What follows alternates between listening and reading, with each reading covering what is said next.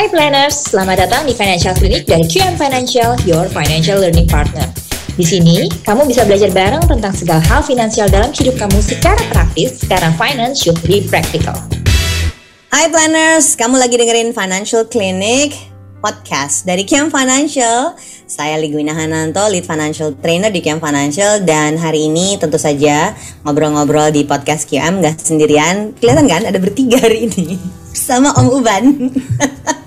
ada Kiam trainer kesayangan kamu Emiralda dan juga ada Mas Hai. Dondi Hananto. Hai Emi, hai Mas. Halo. Halo Mbak, halo Kak, Mas Dondi. punya topik yang seru ya Em hari ini dan gue tuh udah merongrong gue tuh merongrong Emi sama Mas Dondi untuk hari ini pokoknya dari kemarin sih dari dua hari yang lalu kita mau rekaman podcast kita mau ngebahas topik yang paling kekinian cryptocurrency terus yang satu lupa yang satu jadwalnya padat akhirnya berhasil pokoknya hari ini harus gitu ya ngejar eh, sebelum libur eh, akhir tahun kita harus bikin eh, dua konten tentang cryptocurrency. Jadi ini podcastnya akan bersambung. Episode yang ini kita akan ngebahas tentang cryptocurrency-nya. Tapi ada satu yang seru juga dan Emmy langsung bilang aku nggak mau kalau ngomongin itu sendiri harus ada Mas Dondi juga.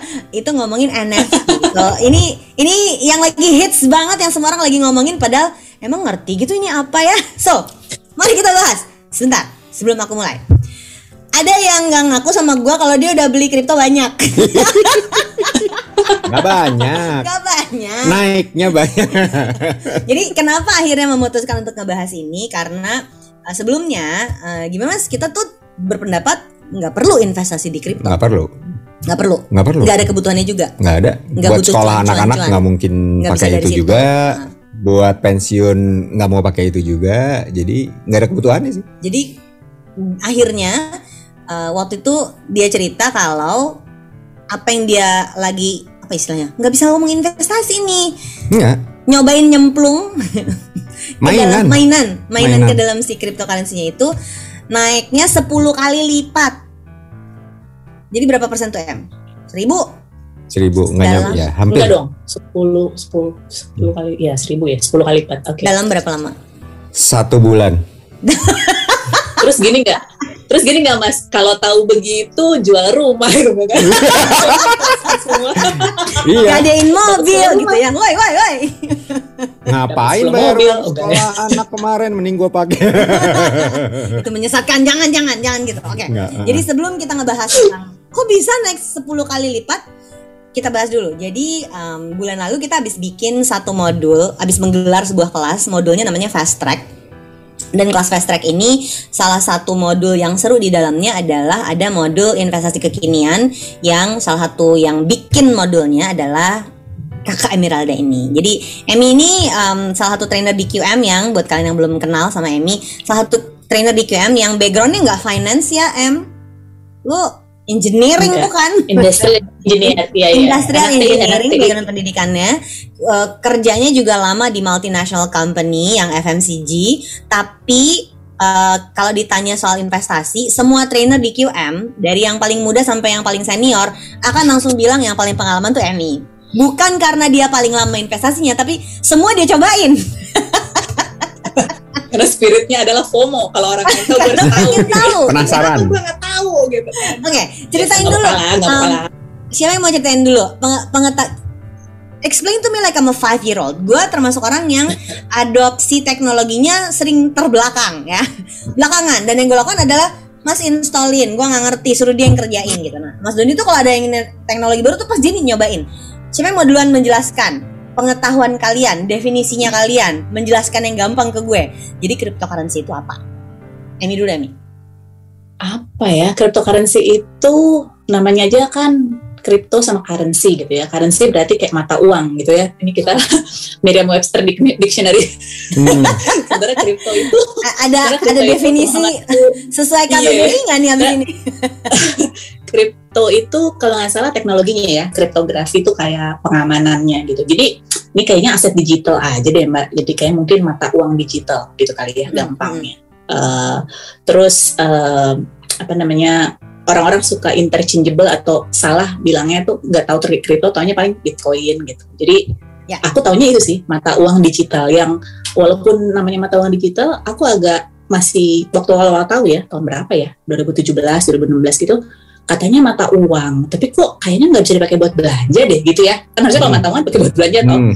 Hmm. Itu satu. apa gunanya Kedua, kalau gitu kita masuk ke situ Uh-uh. kalau nggak bisa dipakai gitu, Kedua, tentunya pemi- pemi- pemahaman makroekonomi membuatku berpikir mata uang macam apa yang bisa dipakai kalau dia naik turunnya kayak gitu gitu ya ekonomi apa yang bisa berjalan dengan mata uang atau alat tukar yang nilainya kayak gitu gitu jadi langsung kayak oh kayak bingung gitu tapi ya ya gitu deh itu kan kita makin lama makin apa ya kita jadi ngomongin karena semua orang ngomongin kan mbak Wina? Karena semua Benar. orang kayak pengen nanya gitu udah.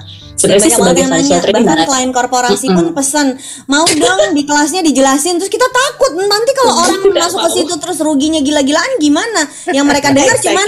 Naik Yang 10 cuan. kali yang Ah. cuan gitu kan gitu Mm-mm. oke sebagai financial trainer kan posisinya nggak enak ya mbak jadi kayak eh, mungkin kalau sebagai teman oke tapi kalau sebagai financial trainer nanti ada yang kayak mbak bilang ada yang rugi mati kita waduh dibilangin menyebabkan rugi hmm. serem Oke, tadi eh, Emi bilang cryptocurrency, jadi mm, mata uang digital. Kalau pakai analoginya, mata uang yang kita kenal, rupiah, dolar, Singapura dolar, eh, Euro. Malaysian ringgit, Euro, Japanese yen, euro gitu kan ya. Nah, berarti kalau mata uang digital ini, yang tadi apa?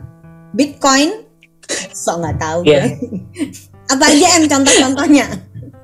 Biar apa yang biar ya nggak ngerti sama Bitcoin. sekali bisa oh pernah dengar oh itu yang dimaksud dengan cryptocurrency gitu karena orang cuma eh bitcoin ya bitcoin ya padahal itu cuma salah satu gitu kan Bitcoin apa yang populer? Doge gitu ya karena Elon Musk eh, Ethereum hmm, yang populer populer Shiba Inu nggak salah. Eh, apa? Eh, ini apa namanya tuh BNB token tuh apa panjangnya yang Binance Binance itu. Terus apa yang gede-gede kali? Cardano gitu ya. Mas Mas Doni kali yang tahu ya? Aku tahu tapi taunya dengar-dengar aja. Jadi yang aku tahu yang gede-gede itu sekali ya eh, Bitcoin Ethereum sama BNB mungkin yang gede-gede. Pernah Yang pernah beli apa em? Boleh boleh bilang nggak? takut gitu oh no. Pertanyaan apa ini? Em terserah. Gini. menurut kalian kalian mau jelasin apa?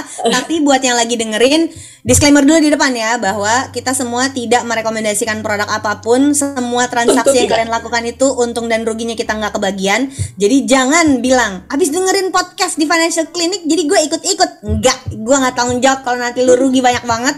Dan juga nggak ikut-ikut kalau kalian untungnya 10 kali lipat. Enggak ya. Apa yang pernah lu coba? Jangan bilang posisi sekarang Oh. kali Oh tunggu nambahin Iya, nambahin iya. juga disclaimer bahwa ini aku juga masuk pakai duit yang memang di- bisa dilupain. Kalau hilang Uang nemu, uang nemu. Uang nemu Uang nemu. Ya. Kalau hilang nggak apa-apa, walaupun pasti sakit hati ya kalau hilang, tapi nggak akan membuat tiba-tiba mm, bulan depan ada invoice uang sekolah terus nggak bisa bayar. Itu jangan sampai terjadi. Nauzubillah. terus. uang sekolah anak diulang terus Itu pengeluaran terbesar soalnya.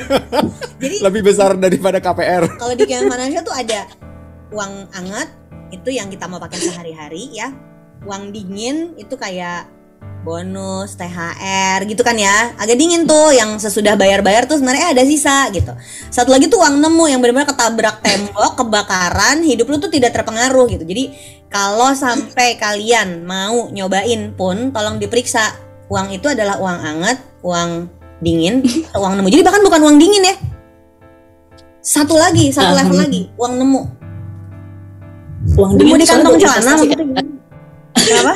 ya maksudnya uang uang dingin tuh kan kayak mau dipakai investasi sebenarnya kan mungkin nggak butuh sekarang tapi butuh nanti kan uang dingin itu kalau ini tuh kayak kayak nggak butuh gimana ya kalau nggak butuh Mm-mm. salah juga Kalau untung kalau ya, untung syukur, kalau rugi nah ya udah. iya aku cacing-cacing naga-naga kalau aku kalau jadi cacing ya wes kalau jadi naga siapa jadi naga Iya, kalau jadi naga ya alhamdulillah aja. itu berarti mentalnya Ya. kita bahas nanti mentalnya Eh, apa contoh-contoh em, tadi cryptocurrency yang kalian pernah temui? Dulu nih kita nonton video Ronnie Cheng Ronnie Cheng. ngebahas si ngebahas Dogecoin, Dogecoin. Diketawain dan waktu itu ngetawain. Jadi waktu itu Bitcoin lagi hits banget. Ronnie Cheng tuh sampai bikin apa sih Pokoknya dia bikin video tentang dia bikin video tentang aja. currency sampai dia bikin apa chain coin gitu apa gitu pokoknya Mm-mm. yang lucu-lucu dan waktu itu yang dibahas adalah si Dogecoin terus tahu-tahu 2021 Dogecoinnya naik kan ketawa dong kita karena itu sempat dijadiin bodoran sama stand up comedian di Amerika gitu. Dan emang sampai sekarang juga bodoran aja makanya sebutnya meme coin kan. Karena emang gak ada gunanya. Cuma buat main-main Yang doang. nyebelin banget itu. Hmm. Oke, sebenarnya teknologi apa sih yang ada di belakang itu? Mas kali Nah gitu. ini sebagai ini disclaimer juga nih walaupun S1-nya computer science tapi nggak ngerti sebenarnya belakangnya itu apa. Kalau kamu nggak ngerti apa aku. Nah, teknologinya namanya kan blockchain. Nah, blockchain itu istilah bahasa Inggrisnya distributed ledger. Jadi catatan yang terdistribusi sehingga nggak akan ad- nggak ada satu pihak sentral yang bisa mengubah catatannya. Catatannya tentang catatan apa aja. Kalau kita nyimpan uang di bank, catatannya kan bank yang nyatet. Oh, Dondi punya 100 ribu, Liguina punya 200 ribu, Emeralda punya 300 ribu kalau bank mengubah catatannya kita pasrah makanya terjadi kalau eh, dan di uang di bank itu kan sebenarnya sekarang cuma sekedar catatan ya Hmm. jangan harap ada uang di Vaultnya. eh, vaultnya bank yang bertumpuk-tumpuk itu udah itu konsep itu udah udah nggak ada sekarang memang catatan nah eh, di blockchain yang eh, catatannya itu terdistribusi nggak ada satu pihak pun yang megang jadi kalau mau mengubah catatan itu harus ada beberapa node, eh, beberapa apa ya, pokoknya harus mengubah di semuanya. Jadi nggak akan bisa dipalsukan. Semua orang bisa memverifikasi, bener nggak Dondi punya 100 ribu, bener nggak Liguina punya 200 ribu, bener nggak Emeralda punya 300 ribu, itu semua orang bisa lihat dan bisa terverifikasi. Jadi eh, apa ya? Konsep utama besarnya blockchain itu adalah itu tadi catatan yang dianggap pasti benar karena yang bilang benar bukan cuma satu pihak tapi ratusan pihak bilang ya catatannya itu seperti itu. Untuk sampai bisa, oke, ini punya cryptocurrency. Kan sering dengar ada mining miningnya itu maksudnya gimana sih? Waduh, mining itu sebenarnya eh, apa ya? Jadi ada ada proses untuk kita bisa mendapatkan satu em, Token. satu token. Ya apa ya sebutannya? Salah juga kali nyebutnya. Bukan token. Ya pokoknya satu satu mata uang itulah Mata dan uang. em, itu caranya sebenarnya pakai computing power, cuman dibikin istilahnya seperti mining karena ini kayak kita mining emas gitu. Korek korek korek korek korek korek eh dapat emas satu ya ini emas punya saya Oke, gitu. tapi ini proses digital di Saya proses dalamnya. digital dengan computing power. Oke.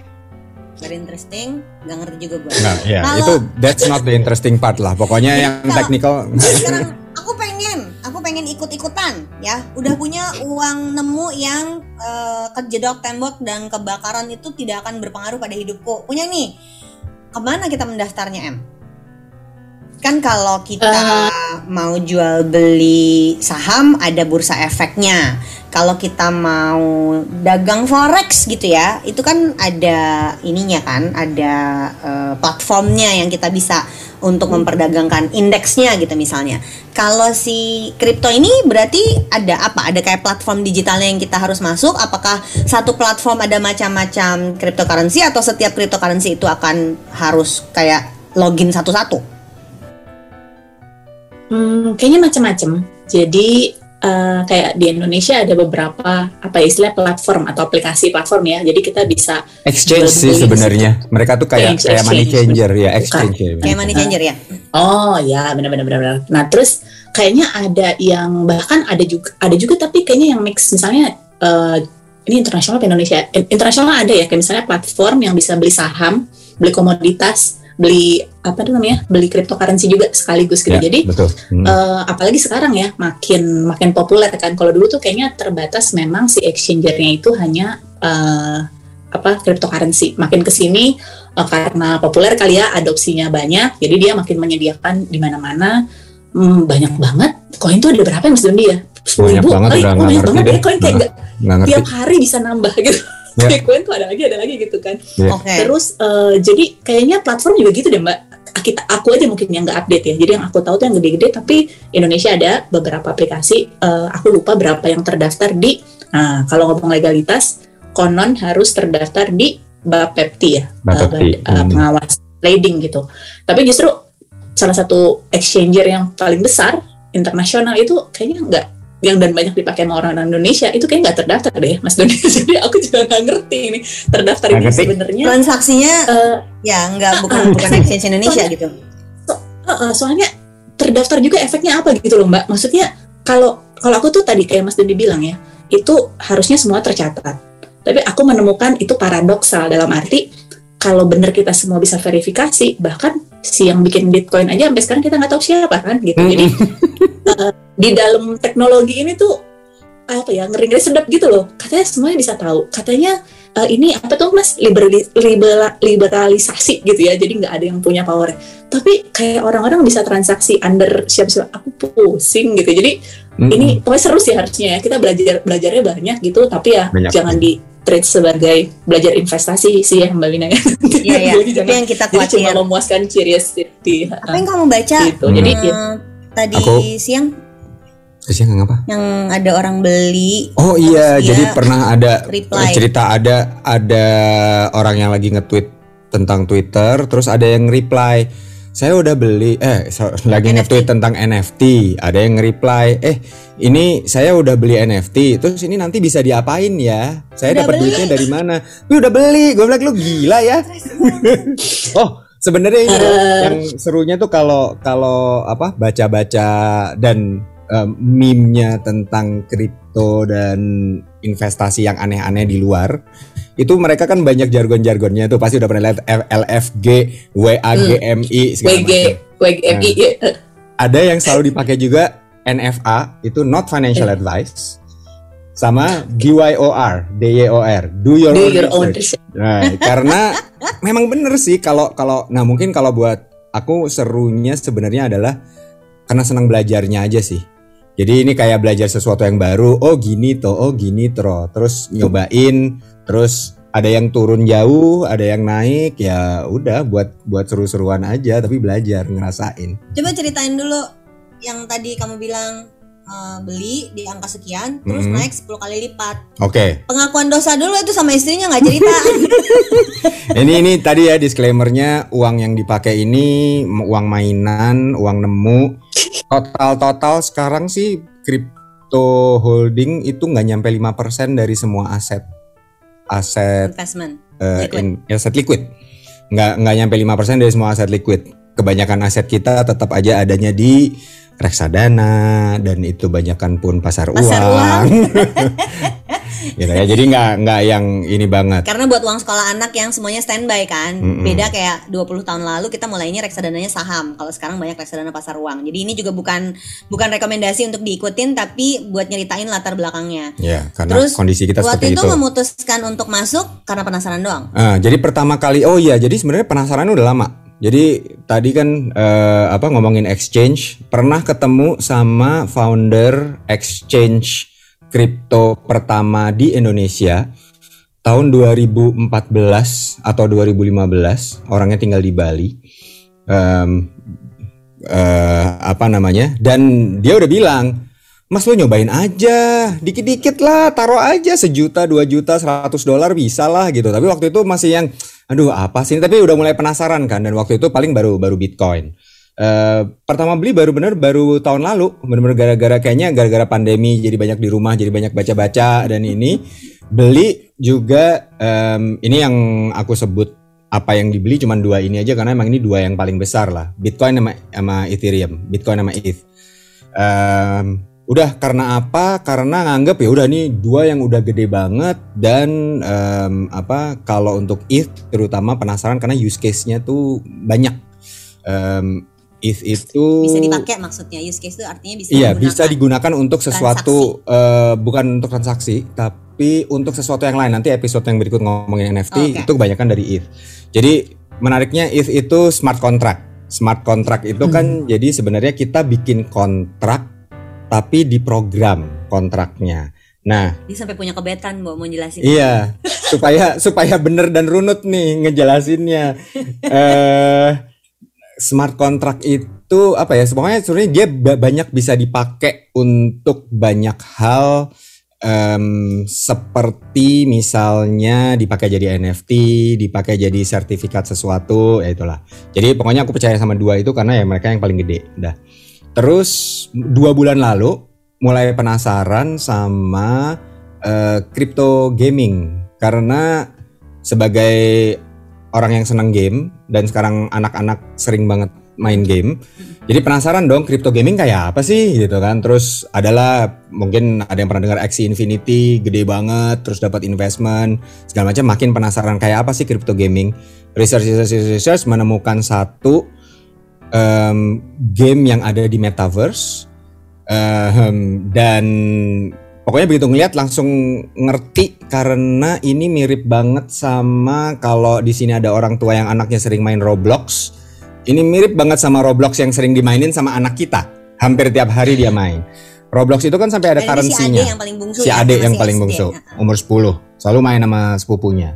Roblox itu ada currency-nya. Jadi buat dia misalnya dia di situ mau beli baju gitu. Nah, dan si anak kita itu setiap bulan pasti beli currency-nya, beli Robux dari Kan dia uang nggak jajan jajannya. di kantin. Nah, jadi em dia nggak jajan di kantin, gue ngajarin kakaknya belanja itu untuk di kantin, tapi buat si Ade itu di Robux belanjanya. Mm-mm. Setiap bulan pasti dia bilang, ayah ini udah masuk bulan baru, aku mau beli Robux. Dia udah tahu bahwa dia bisa beli dari uang jajannya. Jadi praktik uang di dalam game Udah ada, udah jalan. udah ada jalan. Dan sebenarnya di banyak game udah seperti itu. Nah, yang game ini ini mirip seperti itu, tapi em, dia bener-bener bikin lebih ya karena dia bikin di blockchain, jadi implementasinya menarik. Sebenarnya menariknya karena bikin metaverse itu kan, kan kayak bikin dunia. Mereka jual tanah sebenarnya. Tanahnya itu NFT. Dia beli tanah. Enggak, enggak, enggak mampu beli tanah. Nggak bilang bilang aku. Waktu itu tanah paling murahnya setengah ETH, berarti mungkin sekitar 2000-an dolar. Berarti 30 juta tanah virtual. Nggak ada kan kita duit 30 juta buat dipakai beli tanah. Gak ada uang dingin buat begini Nggak ada. uang nemu buat gini. nggak nggak nyampe ada. sebanyak itu Nggak gitu ada. nggak nyampe sebanyak Nggak ada. itu jadi di situ selain tanah dia juga ada token yang nantinya bisa dipakai untuk transaksi di situ aku belilah tokennya Jadi cuma beli tokennya aja. Cuman beli tokennya aja dikit. Terus dua minggu setelah itu Mark Zuckerberg pengumuman Facebook jadi meta dan segala macem, metaverse jadi hot. Tiba-tiba si token ini naik hampir 10 kali lipat. Jadi benar-benar karena nggak sengaja aja. Jadi em kalau kita mau Oke, kalau aku mau masuk cryptocurrency dan aku pengen ngerasain return yang gede-gede itu, apa yang harus dilakukan? Kalau ada yang nanya kayak gitu, kita Hmm. jawabnya apa, Em? Eh, kalau berdoa salah juga ya. Karena kalau berdoa supaya karena karena justru kalau ngarep begitu tanpa dasar yang jelas itu kan sebenarnya speculating kan gitu. Kalau Mas Doni kan sebenarnya nggak ada niat spekulasi kan kebetulan aja naik gitu. Justru karena kalau dijadikan spekulasi um, bukan nggak boleh ya duit-duit orang Mbak Wina terserah gitu. Tapi mungkin itu adalah salah satu alasannya kenapa terus jadi ada fatwa haram gitu. Karena kan itu kalau spekulasi tanpa Hmm, dasar itu kayak ya. udah kayak berjudi aja kan gitu. Kalau kalau kayaknya sih ada orang-orang yang benar-benar baca use case yang kayak Mas Doni bilang tadi. Jadi ada white papernya kan? Kayak ada kayak ada prospektusnya kalau dari reksadana gitu ya. Hmm. ada ceritanya gitu. Cerita ini nanti mau dipakai buat apa? Proyeknya ngapain? Bla bla bla gitu. Eh, yang mana aku mencoba membaca tidak mengerti juga ya. Tapi tapi maksudnya konon untuk banyak orang itu memberi gambaran kira-kira ini bakalan kayak apa ke depannya. Nah jadi kalau mau untung berlipat-lipat mau menginvestasikan waktu buat belajar aku nggak nggak tahu nih ya aku sendiri nggak tahu banyak tapi asumsiku benar-benar ini adalah cabang ilmu yang menarik untuk dipelajari dan benar-benar science gitu ya. Artinya mungkin orang-orang yang menginvestasikan waktu untuk belajar baca dia bisa mengestimasi sesuatu yang sekarang masih murah tapi dalam dalam sekian lama tuh kayak ada projectionnya gitu loh mbak Wina itu satu kalau kita ngomongnya kalau di saham tuh kayak ngomong fundamental Ya, tapi tolong Kedua. lihat bahwa ini nggak sama dengan saham yang adalah surat kepemilikan perusahaan. Jadi Iya, iya. fundamental itu ngambilnya dari operasional si Kinerja perusahaan, itu, perusahaan. kinerja perusahaan Orang itu. keuangan iya ya Keuangan. Kalau ini enggak. fundamentalnya tuh fundamentalnya tuh dicampur-campur dengan wishful thinking dikit sih menurutku jadi Mm-mm. Ya enggak enggak aku aku nggak nyampe gitu jadi maksudnya tapi Hmm. ini yang dibilang orang-orang sebagai analisis fundamentalnya jadi untuk ngerti apa sih gitu karena uh, from from time to time atau uh, cukup banyak orang yang bilang cryptocurrency kan nggak ada nggak ada fundamentalnya gitu itu Ya. technical aja volume aja gitu ya jadi mah demand Uh, supply aja aku udah. juga Ah, exactly, aku 99% merasa begitu. Tapi kan harus sih open. banget. Doge naik itu cuma Tapi kita karena kan- di kita kan pom mesti- Karena ada pom-pom. Exactly gitu. Tapi kan tapi kan kita selalu katanya kan supaya kita bertumbuh kita harus punya pintu skeptis ya. Apa sorry, Hmm. harus kita punya harus punya pintu yang justru nggak skeptis gitu ya Mas Dondi satu persen. Oke lah siapa tahu memang ada yang kayak gitu. Nah itu yang aku nggak tahu tapi sekarang udah coba baca kayaknya otaknya belum sampai. Benar-benar menurutku itu memang eh, apa eh, pom-pom ya supply supply supply di mana lagi demand. Balik-balik. Eh, mm-mm, sekarang mulai eh, satu persennya udah mulai mungkin bisa nambah karena ngelihat use case-nya Ethereum di NFT NFT itu artinya gini eh, nanti sih ya kita bahasnya tapi aku sih nggak nggak benar-benar mau punya NFT juga cuma si Ethereum ini pasti akan banyak demandnya gitu gitu nggak ya Mas Doni ya? Betul. karena Ya, ya. uh, banyak yang mau pakai buat NFT. Jadi at Ya. least Ya. kalau gua beli ada harapan harganya akan naik terus karena akan ada orang yang nyari terus karena orang-orang ini akan beli NFT. Gitu. Itu itu, Itu yang membuat dia berbeda ya dari kripto Mm-mm. yang lain. Sebentar. Itu technical. Kita akan bahas NFT di episode berikutnya. Hmm. Sebelum kita closing karena menurut aku emang ngebahas kripto nggak bisa sebentar. Ada satu yang mesti dibahas dan nggak mungkin nggak dibahas, yaitu tentang scam. Oh, Banyak banget. Banyaknya minta ampun. Squid. Banyak banget. Squid Coin apa Squid Game Ya Coin ini gitu. jadi ada satu artikel di Mashable dia ngomongin the biggest cryptocurrency scams of 2021. Jadi 2021 itu dianggap tahun yang penting untuk cryptocurrency. It's a big year for crypto, but also big year for crypto scams. Dia nyebutin beberapa yang parah banget. Yang pertama ini coba kita obrolin satu-satu. Yang pertama adalah Squid Game token. parah sih. Yang kedua adalah Save the Kids Face Saga. Terus yang ketiga ada Adin Ross admits he promoted a crypto scam. Jadi Nggak uh, pernah denger. banyak influencer atau um, Hmm. apa uh, Pom-pom. orang terkenal yang endorse endorse endorse endorse. endorse tahu-tahu itu fake. Lalu ada fake press release. Jadi they go all the way sampai ada fake press release. Sama ada namanya Pauline Network hack.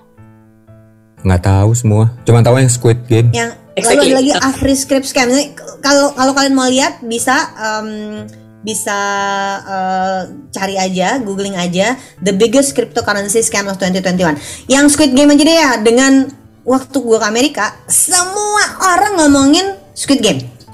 Filmnya kan. Filmnya, maksudnya. maksudnya serialnya. film- serialnya, Hmm. bukan tokennya. Yang ajaib adalah si creator dari si cryptocurrency Squid Game itu sebenarnya nggak berhak untuk pakai nama Squid Game. Terus begitu itu naik, tahu-tahu jadi 3000 dalam seminggu. Terus orang-orang yang udah beli nggak bisa jual. Kalian sempat baca nggak tentang si Squid Game Iya. token? Rakpul ya. Apa karpetnya ditarik tiba-tiba gitu ya. Hmm, pokoknya sering Hilang hilang. gitu. Terus tahu hilang. Hilang. Jadi orang-orang kabur bawa Yang orang banyak. Ya, yang pertama-pertama berhasil menjual mahal ke orang-orang ini ya untung, tapi orang-orang yang megang sekarang bye-bye. Iya. Jadi ba dan dan ini satu dari sekian banyak Banyak banget. yang artinya again kalau kita mau ikut main di sini harus sadar bener benar sama resikonya ya. Hmm. Cuma aku juga mungkin nambahin tadi tuh dari penasaran sama crypto gaming sampai akhirnya beli itu sebulan lebih loh. Sebulan lebih. Gak bilang. Dari penasaran-penasaran terus mikir, oke, kayaknya bulan depan gua ada nih uang-uang sisa-sisa tadi itu beli dari dikit gitu. Akhirnya itu baru pull the trigger. Untung setelah itu Zak keluar. Jadi terima kasih Zak. Tunggu. Tadi kan kita gue. bahas naik 10 kali lipat. Oh iya. Minusnya dong mas. Nah, yang kemarin naik 10 kali lipat itu eh, minggu lalu pernah dalam satu hari turun 25%.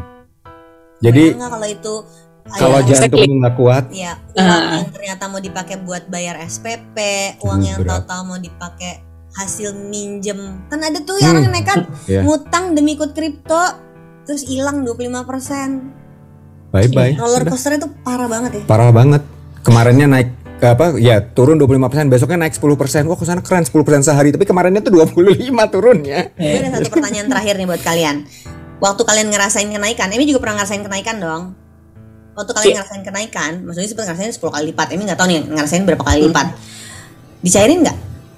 Enggak, aku belum pernah jual. Em, tergantung buat apa. Jadi aku tuh dulu pernah kayak beli dikit-dikit rutin gitu bukan gara-gara investasi, gara-gara si platformnya itu ngasih cashback. Oh.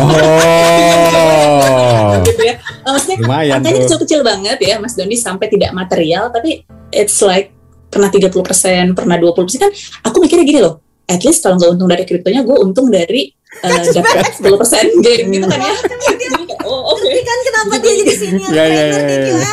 Nah, Jadi itu- pemburu pemburu cashback, cashback, cashback ekonomi itu yang waktu awal-awal itu yang uh, blue chip blue chip yang Mas Doni bilang tadi. Nah itu Hmm. kayaknya juga aku pernah jual tapi dikit. Nah kalau yang dijual langsung itu ini Mbak yang dipakai buat belajar technical. Aku pernah belajar technical nyoba terus ngelihat ngelihat chart gitu-gitu. Nah itu pakai akun yang bisa di set stop loss sama uh, take profit. Jadi misalnya aku taruh Hmm. berapa, kalau naik berapa dia kejual Langsung. sendiri, kalau turun Hmm. berapa kejual sendiri. Tapi Hmm. uh, batas bawahnya itu kayak uh, dinamis gitu. Jadi misalnya aku bilang kalau minus 5 per, eh, 10 persen lah ya namanya kripto masuk 5 persen. 10 persen aku jual. Tapi kalau dia naik banyak tuh batas bawahnya ikut naik itu supaya uh, apa ngejagain profit. Jadi kalau Nah. udah naik 100 persen gitu, begitu dia minusnya 80 persen dia ngejual. Jadi paling nggak duitnya nggak hilang-hilang. Tapi belum pernah ditarik balik duitnya sih mbak. Maksudnya itu itu terlalu Itu rumit aja.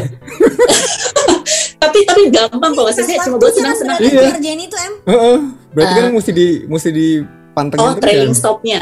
Uh, Hmm. ya kalau lagi kurang kan uh, di Jakarta macet mas ya di jalan Oh.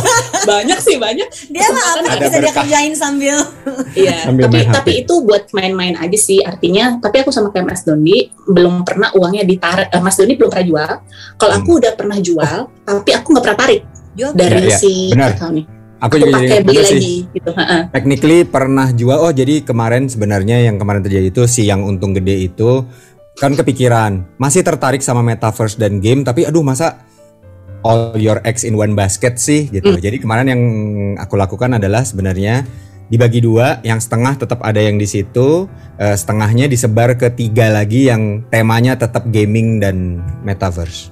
Jadi Hmm. sekarang ada empat token berbeda yang Oke.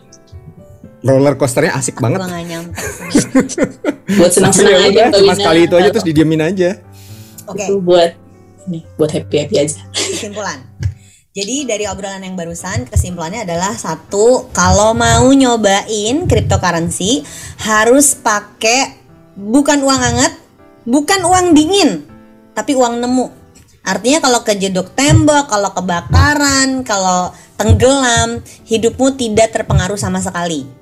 Nggak boleh pakai uang pinjaman, Hmm. nggak boleh pakai uang yang mau dipakai buat bayar kos. Nggak boleh nggak boleh. Nggak boleh haram. uang yang berhubungan sama hidup kita sama sekali ya. Satu itu. Yang kedua tadi mesti pilih-pilih berarti ya. Kalau mau nyobain cobain yang memang volumenya udah cukup besar supaya ikut sama gerombolan yang lebih banyak. Bener gak sih kesimpulan gue yang kedua itu? Oke. Hmm. yang ketiga, em, lihat tren nih, karena ternyata si kripto ini salah satu alasan kenapa ngobrolin kriptonya nggak cuman Liguina sama Emeralda aja, karena ini sempat komentar gini, ini tuh update-nya terlalu banyak, sehingga harus ada orang lain yang punya view yang berbeda. Dan Mas Doni karena anak gaming punya view yang itu kan, jadi perhatiin tren bahwa si kripto ini karena masih baru ada kayak turunannya terus menerus ada turunannya terus menerus sehingga ini akan menjadi menarik untuk dipelajari yang keempat em, use case-nya apa karena itu akan sangat menarik em, ke depannya it's the future aku sih nggak bisa menghalangi itu ya karena Hmm. bagian dari Percaya. uh, metaverse itu pasti berhubungan sama em, penggunaan mata uang digital ini. Terus yang kelima adalah emang kalau untung mau dicairin. Ini diniatin nanti baru dicariin kalau Demi lulus kuliah. Kapan masih? yang adalah mungkin 15 tahun lagi. Tapi please jadinya berhati-hati kalau mau pakai kayak gini karena yang selalu gua khawatirin adalah orang yang semangat sama cuan-cuan-cuan ternyata akhirnya nanti kayak menggali eh, lubang kekacauan keuangannya sendiri. Please don't be one of those people. Jadi kalau mau nyobain obrolan ini tersedia untuk jadi bahan pertimbangan buat kalian Makasih Emeralda sudah ngobrol tentang cryptocurrency. Abis ini nanti kita lanjutin ngomongin tentang NFT ya. Makasih Mas Dondi udah bahas tentang cryptocurrency. Um, buat kalian planners, uh, thanks for listening. Uh, boleh lo colek um, akun Instagram dan Twitternya at QM underscore financial. Kasih info, ceritain kalau kamu udah dengerin podcast kita ini. Dan juga kalau kamu punya topik lain, kamu punya pertanyaan Feel free to tag us, nanti kita masukin ke dalam uh, work plan-nya buat uh, Financial Clinic Podcast by QM Financial. Saya Ligwina Hananto, bareng sama Emeralda dan Dondi Hananto. Kita sambung lagi di episode yang selanjutnya. Masih bahas cryptocurrency, tapi yang berikut sekaligus dengan NFT. Thank you for listening. Financial Be Practical. Bye.